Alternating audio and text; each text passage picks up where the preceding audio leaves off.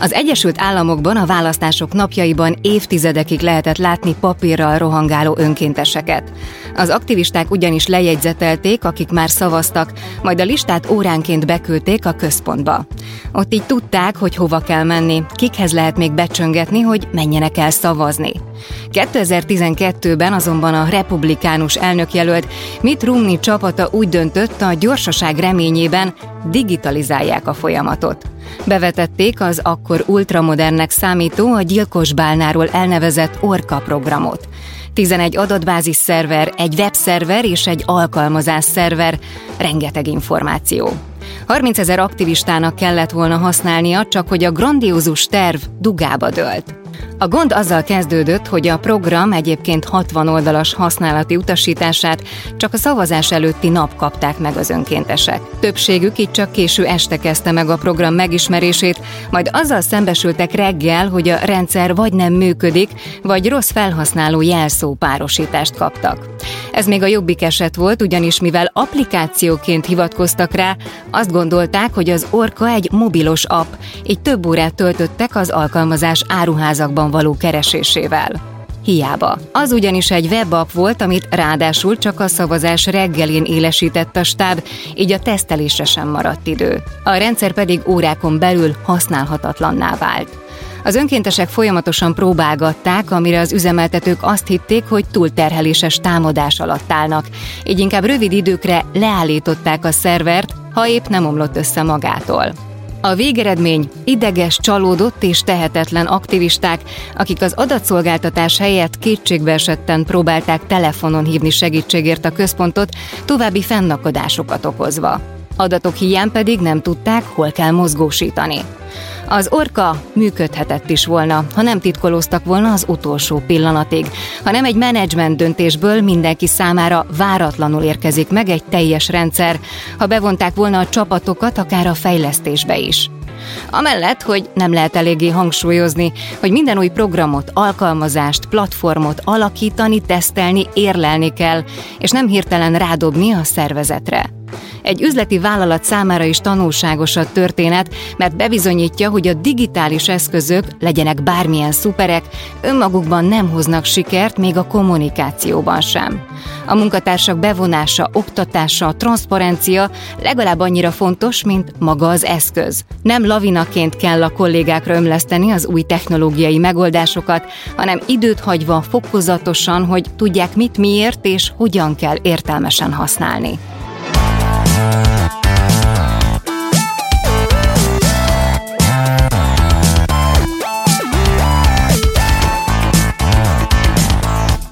Legyél úttörő, legyél dinamikus, legyél agilis, változtas, digitalizálj, újíts. Ezt várják tőled. Ettől leszel sikeres vezető. Mondani könnyű, megcsinálni nem annyira. Az Epic Stories podcastben olyan üzleti történeteket mesélünk el, amikből tanulhatsz, amik inspirálnak, vagy egyszerűen csak szórakoztatóak.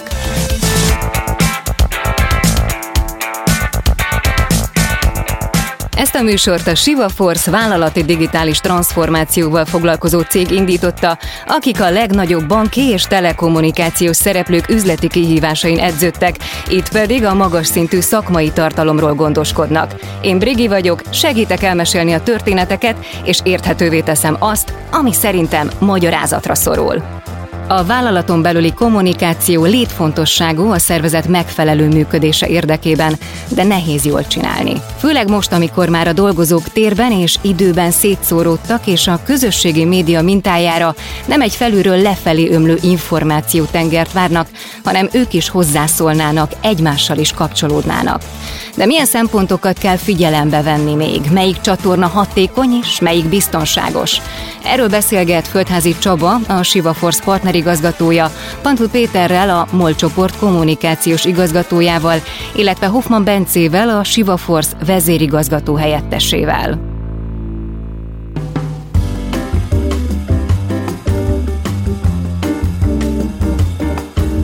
Sziasztok, köszönöm szépen, hogy eljöttetek, és miközben idefelé haladtam, azon gondolkodtam, hogy egyébként a hétvégén majd lesz egy csapatépítő rendezvényünk, és tulajdonképpen maga a csapatépítő rendezvény is egy kommunikációs csatorna. Most belegondoltam, hogy ott hányféleképpen fogunk a kollégákkal dolgozni, hányféleképpen szólunk hozzá, hogy lesz prezentáció, játék, utána beszélgetés, aztán utána megiszunk esetleg egy pohár sört, ugye az megint egy, egy újabb csatorna. Úgyhogy azt kérdezném meg először Pétertől, hogy, hogy egy akkora létszámú szervezetben, ahol te dolgozol, hányféleképpen lehet hozzászólni az emberekhez? Hányféle kommunikációs csatornát nyitok meg adott esetben egy időben?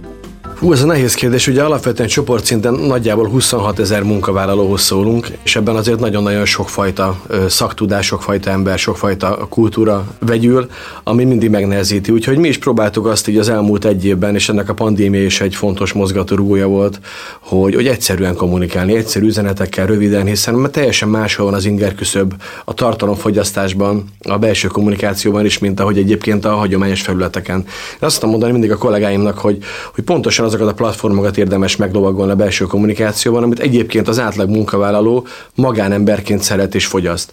Tehát, hogyha azt gondoljuk, hogy egy, egy híroldalon ő elolvas egy 500 karakteres, régebben ezt ugye mínuszos hírnek hívtuk, eddig terjed az ő figyelme és inger küszöbe, akkor nekünk se szabad több oldalas levelet, teljesen mint hogy ez egy vezetői kommunikáció, bedobni a köztudatba, mert nem fogja őket elérni az üzenet. Tehát muszáj ezt nekünk megtanulni, és igenis meg kellett tanulni azokat az újfajta platformokat, amiket tényleg csak ilyen just for fun használhatunk, akár egy Teams, egy Zoomról beszélsz, teljesen átalakult a, a kommunikációs stratégiája, ugye főleg belső kommunikációban a cégeknek, és teljesen más lett a vezetők láthatósága. Tehát azzal, hogy nekünk meg kellett mutatni a vezetőinket, kellett szólnunk az emberekhez, tartani kellett bennük a lelket, hiszen egy ilyen vállalatnál, mint a MOL, azért a, a humán faktor egy nagyon-nagyon fontos szempont. Beszéltél a tartalomfogyasztásnak a módszereiről, vagy annak a megváltozásáról. Te hogyan látod, Bence, eltolódott ez a tartalomfogyasztási szokás az online felületek felé, vagy egyébként azért teljesen vegyes maradt, és most nyilván főleg a vállalati irányú kérdéseket feszegetem ebben a kérdésben? Hát ahogy én látom, ebben az olyan drasztikus változást a pandémia ugyan hozott, de van ennek egy egészséges ilyen long-term, short-term kifutási íve továbbra is szükség van arra azokra a típusú offline kommunikációs eszközökre, amit korábban használtunk, főleg a hibrid munkavégzésben azt látom, hogy ez azért egy tök fontos dolog. Vannak plakátok, vannak ugyanúgy, ahol irodaházak vannak, vannak liftüzenetek vannak, könnyen átadható mondatok, jelszavak egy belső kommunikáció során ezt látom, viszont az online tartalomfogyasztás az folyamatosan nő. Ez pandémiától függetlenül is változik. Péter említette, emlékszem, ugye az úgynevezett negatív hír talán így volt a, ez volt a megfogalmazás. Most már fölírják a nagyobb híroldalaknál, hogy mennyi az olvasási ideje. Egy adott cikknek úgy átlagos olvasási sebességgel számolva, ez egy tök fontos támpont szerintem. Viszont az online, az online felületekkel kapcsolatosan inkább az üzeneteknek a rapidsága változott. Tehát én azt látom, hogy azok a Unified Communication eszközök, ugye itt üzleti felhasználásban Péter említette a Zoomot, Péter említette a streamet, Álljunk meg egy kicsit, csak hogy mindenki ráhangolódhasson. A Unified Communications, azaz az egységes kommunikáció lényege, hogy a felhasználó, jelen esetben a dolgozó egy közös platformon keresztül képes elérni a céghez kötődő mindenféle csatornát, legyen az telefonhívás, direkt üzenet, levelezés, csapatcset, vállalati hírek, vagy éppen a belső tudástár. Azaz egy kommunikációs megoldás akkor unified, ha minden készüléken hozzáférhető és többféle csatornát egyesít. Viszont a használati élmény szempontjából azért a közösségi kommunikációs eszközöknek a használati élményét keresik a kollégák. Nekem van egy olyan visszajelzésem például, hogyha már említettünk így platformokat, akkor a Slack egy ilyen hasonló történet. Hát ott látom például azt, hogy a Messengerhez vagy a Viberhez hasonló típusú üzenetváltások és cserék mennek.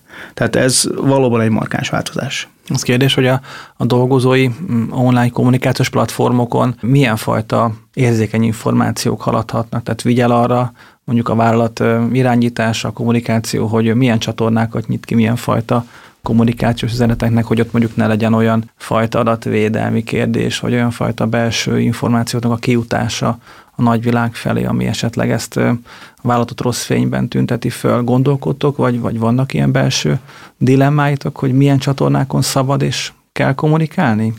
Hát hogy alapvetően a, a MOL már a nagysága miatt is egy, egy erősen szabályozott vállalat. Tehát, hogy nálunk azért nem csak adatbiztonság, hanem az IT biztonság tekintetében azért vannak olyan, olyan szabályok és egy, egy nagyon, nagyon feszes rendszer, ami meghatározza a kommunikációs keretrendszert is.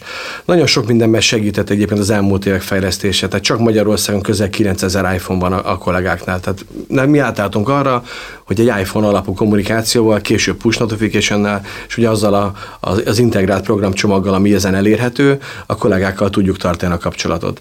Ez egy fontos dolog szerintem. Ahogy említetted, belső kommunikáció tekintetében plakátok.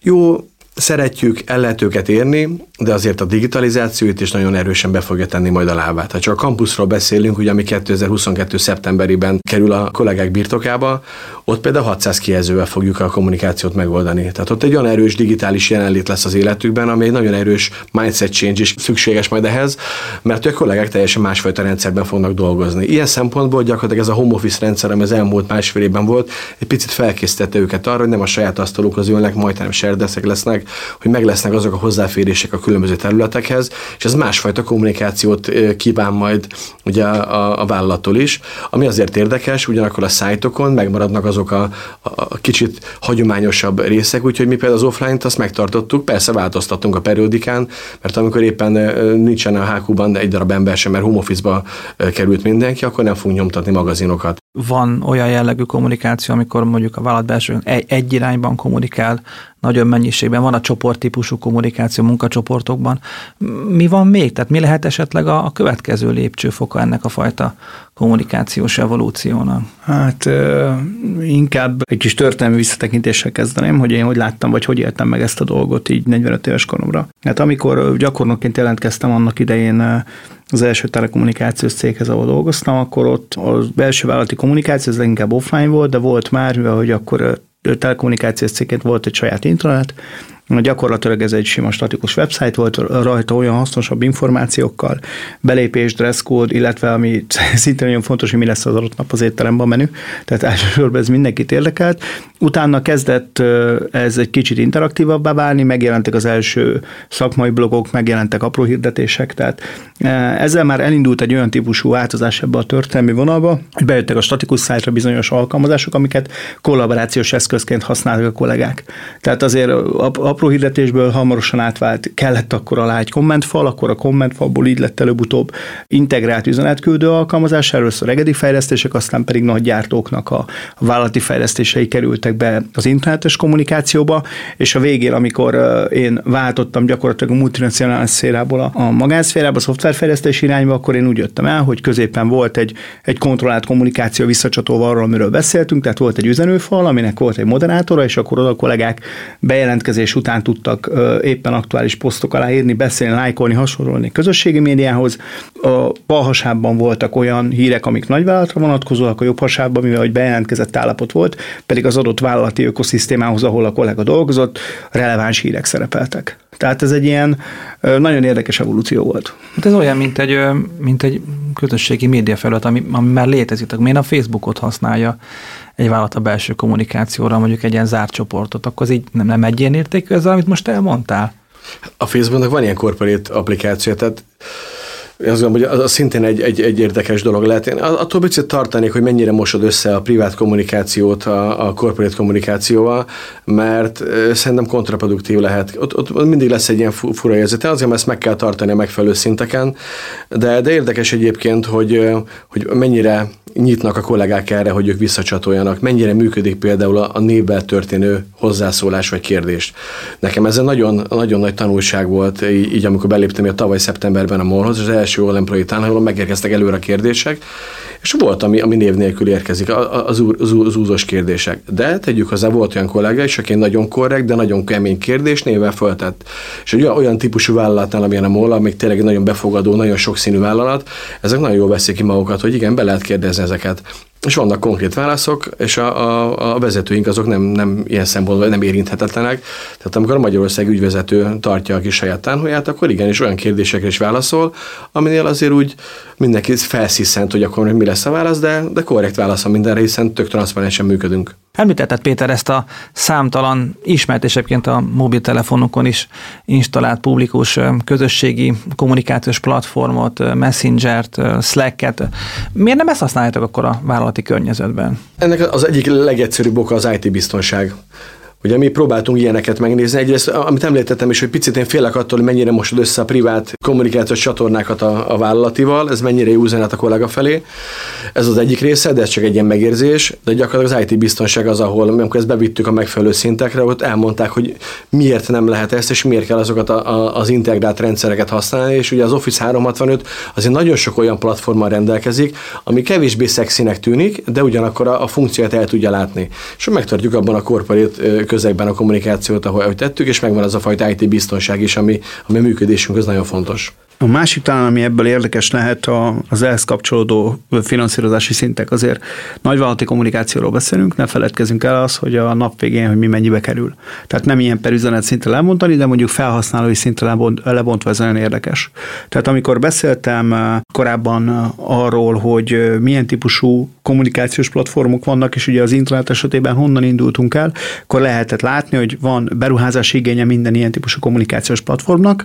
Tehát azt lehet látni, hogy a, a privát életünkben elterjedt kommunikációs platformok, például itt most Viber, a különféle chat, chat platformoknál, ott azért, hogyha lebontjuk egy, egy nagyvállalatnak a felhasználó számára, akkor viszonylag magas per useres beruházási költségek jöhetnek ki. Van viszont számtalan olyan platform, ahol egyedi fejlesztéssel adott nagyvállalat esetében ez mérlegelendő IT biztonság betartásával, ezeket a költségeket lehet kontroll tartani. Ez azért még egy fontos döntési szempont, amikor platformot választ választunk. Nagyon szépen köszönöm. Még egy dolog érdekel ebben a környezetben, hogy mi a helyzet akkor, amikor ö, krízis van. Tehát ugye az emberek nagyon sokféle módon kommunikálnak a vállalat, a vállalat az emberrel. Van-e valamilyen egységes csatorna, hogyha ha baj van, vagy ha valami nagyon hirtelen üzenetet akarunk továbbítani, akkor van-e arra gyakorlat, hogy na akkor hogy érünk el nagy tömegű embert egy ilyen, egy ilyen szituációban?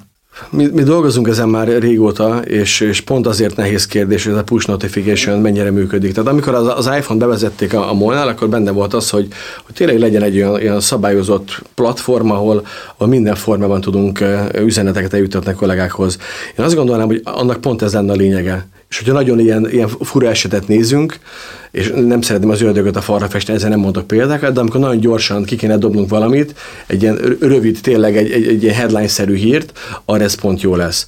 Sokszor nem lehet őket azért ezzel zavarni. Tehát nem úgy kéne működni, mint egy kereskedelmi üzenetnél, hogy a bedobom, és akkor minden héten hétfőn, és akkor a, nem tudom, rántott hús van az étteremben, hanem hogy ennek legyen egy olyan súlya, amikor olyan dolog történik, nem tudom, negyedéves jelentések, pandémia kapcsán valami oltási hírek, vagy esetleg egy olyan, olyan viszmajor, ami, ami, aminél muszáj az embereket elérni ebben a formában, és az nekünk nagyon nagy előnyünk lesz. Ezen dolgozunk, én remélem, hogy az jövő évre ez, ez úgy lesz, hogy nagyon stabilan tudjuk majd üzemeltetni. Ez azért is fontos, mert ez felveti azokat a technológiai kérdéseket, hogy hogyan tudok nagy tömegű embert biztonságosan, gyorsan elérni, vagyis a vállalati mondjuk IT arra rendezkedik, hogy ő üzemelteti ezeket a platformokat, vagy kihelyezi ezt a felhőbe, vagy valami, valami szörparti megoldást választ. Mi ilyenkor vajon a, a, a követendő logika mellett egy vállalat ezt eldöntheti, Bence. Hogy a krízis kommunikációról beszélünk, most megpróbálok ennél a témakörnél maradni, nagyon fontos a magas rendelkezésre állás. Tehát a jelenlegi informatikai infrastruktúrában ez vagy egy teljesen fullon, fullosan kontrollált privát felhőbe, vagy pedig lokálisan elképzelhető. Ajaj, kontrollált privát felhő. Szerencsére nem az időjárást piszkáljuk, de nézzük. A privát felhő ugyanolyan kényelmes, mint a Google, Amazon, Microsoft és a többiek által kínált felhőszolgáltatások, de a benne használt hardware és szoftver elemek exkluzívan egyetlen vállalat számára vannak dedikálva. Nincs közösködés, nem figyel senki, nagyobb a biztonság és nem kell alkalmazkodni, te határozod meg a szabályokat. Tetszik, olyan inkább, mint egy privát sziget, nem? A másik ennek az instantsága, tehát nagyon egyetértek az, amit Péter mondott, hogy az instant messaging kommunikáció ilyenkor a jó. Tehát, hogy a, az iPhone esetén egy push notifikáció az egy nagyon jó use case, de bármilyen olyan Unified Communication csatorna, Messenger, akkor adott esetben a Teamsnek valamilyen funkciója, az Zoomnak van ilyen funkciója, a Cisco-nak, a Webexnek van ilyen funkciója, csak egy pár nagyvállalati kollaborációs eszközt, így a teljesség igénye nélkül soroltam most el, kell ezt, kell ezt szükséges ezt használni, mert ezek azok az infrastruktúrák, amik nagy biztonsággal jelenleg most mozgathatóak, illetve monetizálhatóak ilyen esetben, biztos elérhetőek, bírják a terhelést, amit egy ilyen típusú kommunikáció jelent. Ugye ez már előrevetíti annak a képét, hogy a, a munkavállaló dolgozó környékén egy ilyen digitális munkahely alakul ki, ahol őt valamilyen eszközön, valamilyen csatornán keresztül a legkülönbözőbben súlyozott, vagy vagy priorizált üzenetekkel el lehet érni.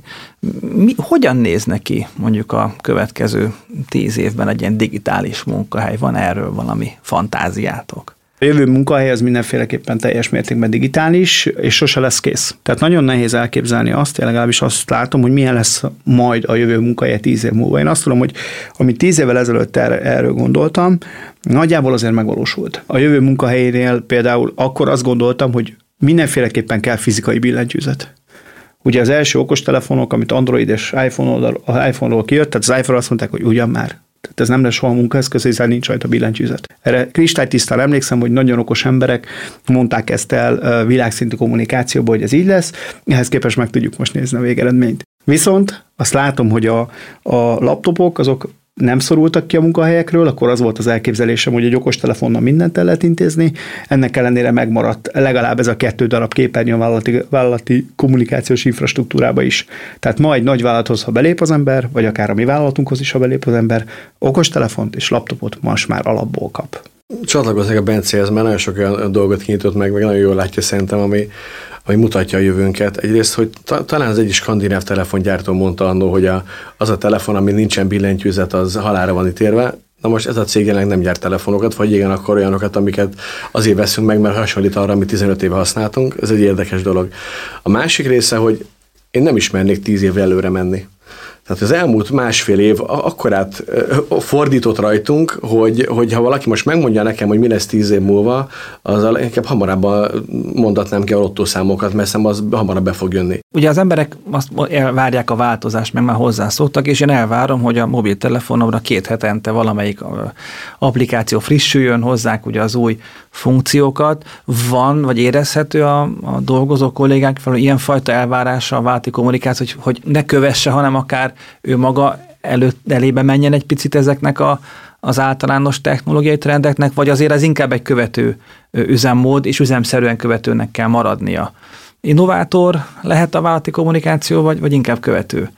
Melyik a, az egészségesebb, vagy hát, a, Ha megengeditek, első körben ez, ez egy fontosabb hozzáfűzni való van talán, hogy ez demográfiáként és generációként is eltér. Tehát, hogy kinek, ki mit szokott meg, kinek milyen igénye van. Ugye a mai okostelefonos világban azért a munkavállalói szint, tehát így a, egy kék galéros mérnöknek, aki talán nem tett, hogy 20-30 éves dolgozik nálatok, és nagyon fontos láncszeme a, a MOL értékteremtésének, neki is vagy vásárol okostelefont, vagy pedig úgy lesz okostelefon, hogy van neki gyermeke, unokája, és akkor egy, egy generációval lejjebb, és akkor ezekkel megismerkedik. Tehát azt lehet látni, hogy ez is épülőben van az a Y vagy Z generáció, tehát így direkt nem szeretnék ezzel besorolni senkit most ebben, az, ebben a helyzetben sehova. Nagyon fontosnak tartom, hogy ők megszoktak egyfajta kommunikációs frissülést, illetve ehhez tartozó platform frissülést is, tehát hogyha kijön az alkalmazásban egy új verzió, akkor ők azt azonnal elkezdik használni, elkezdik erre viszont edukálni azokat, akik elő kapcsolatban vannak. Ez a vállalaton belül is ugyanígy megy. Tehát ugyanúgy megvannak a vállalati belüli influencerek, akik majd ebben ebben minden bizonyal segítenek, én ezt így látom. Kicsit ezt visszavinném ugye a múltamból a marketinges példára, hogy nem a fogyasztó határozza meg a kínálatot. Tehát, hogy ez, ez, egy, ez egy nagyon izgalmas kérdés, mert hogy ő nem tudja, hogy neki mire van szüksége. A, a vágyat azt általában a, a márka teremti. Jelen esetben a márka az maga a cég. És, és amikor a cég ezt meg tudja teremteni, és ezt tudja, nagyon fontos, nem léphetsz túl nagyot, mert nem tud követni. Tehát ha megnézitek, hogy hogyan épülnek föl itt a mobiltelefonos példáknál a, a különböző frissítések, hogy valószínűleg, amit most kihoztak technológiailag, azt tudta öt évvel ezelőtt.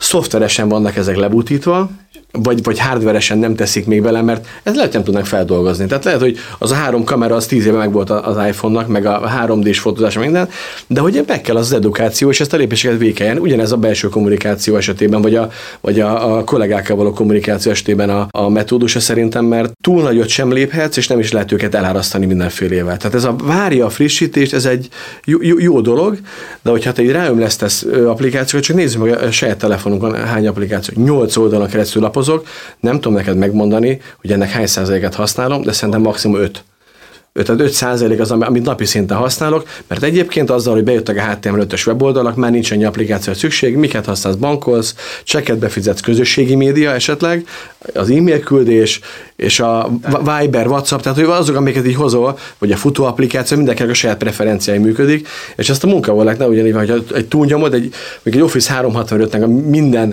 aspektusát, minden platformát így rázújtanánk az emberekre, szerintem ott vége a dalnak. Hát kiválóan körülírtad a vállalati agilis kommunikáció definícióját, hogy ne túl nagyot változtassunk, de mindig legyen egy, egyfajta folyamatos processz, mert az emberek ezt el, elvárják egyik oldalon, de a másik oldalon megijednének, hogyha hirtelen nagy lenne a, az ugrás ebben a, ebben a történetben, és, és igazából ez, ez az agilitás egyik definíciója tényleg ez, úgyhogy akkor megszületett a vállalati kommunikáció agilis kiáltványa ezzel a mondattal. Zárószóként még esetleg egy olyan kérdést tennék, hogy volt az elmúlt, nem tudom én, években olyan tapasztalásotok, amilyen kommunikációs baki, amikor úgy, úgy, úgy hirtelen vissza kellett valamit húzni, vagy, vagy átgondolni, hogy ezt nem így kellett volna, vagy nem ilyen csatornán, vagy, vagy rossz visszajelzések jöttek, hogy amit érdemes esetleg megszívlelni, vagy elkerülni, mi az a dolog, amit valahogyan ne kommunikáljunk. Egy ilyen jellegű zárszóra gondoltam ami nagy tanulság, hogy a különböző platformok milyen, milyen policit vagy milyen viselkedést igényelnek. Sem. Tehát, hogy nekem, nekem az, az, és nagyon önkritikus leszek most, nekem az egy nagyon érdekes dolog volt, hogy ezt a Teams világot megtanuljam. Egyrészt ahonnan én jövök, hogy az FMCG szektorban, és abból az időszakból, a, a pandémia előtt, ez egyáltalán nem volt jelen.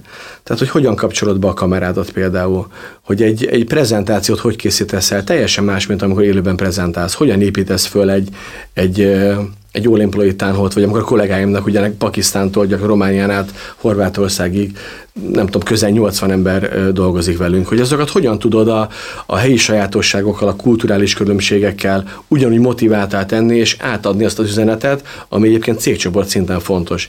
És nem ez, ez nagyon nagy tanulás volt az elmúlt időszakból, amit szerintem nagyon jól be tudunk majd illeszteni, remélhetőleg most már véglegesen a pandémia utáni időszakban, hogy nem kell feltétlenül mindenért kiutazni külföldre, nem kell mindenhez feltétlenül hatalmas eseményt szervezni, hanem mindennek meg tudjuk tartani ezt a formáját, akár egy online, online, akár egy hibrid, akár egy, egy olyan élőben történő eseménnyel, aminek megvan az üzenetrendszer és megvan a jelentősége. Így van, és én erre fűznék rá azt, hogy nem kommunikációs bakiként, hanem inkább a jó példaként, megfontolásként venném föl az, hogy nagyon kitágultak az események, különféle események, tehát ez a, gyakorlatilag ez a hibrid eseményszervezés, meg ez a hibrid kommunikáció, ez előtérbe került a pandémiával, és ez velünk fog maradni, ez száz százalék. Arra kell nagyon figyelni, hogy melyik csatornát hogy használjuk, és hogy egyik csatornát se tudjuk túl a másik rovására, mert ne legyen túlzottan se zárt, se legyen túlzottan szabad. Nagyon jó példákat hoztál fel ezzel kapcsolatosan, például egy Teams meetingen ne legyen ott 109 résztvevő, mert annyira csábító, hogy biztos, hogy mindenkit azon a kommunikációs csatornán mindenről értesítsünk. Tehát azért ez egy ilyen fontos megfontolt dolog, ha ezzel jól sáfárkodunk, akkor ezzel a hibrid munkavégzéssel és hibrid kommunikációval nagyon kitágul az eszköztár.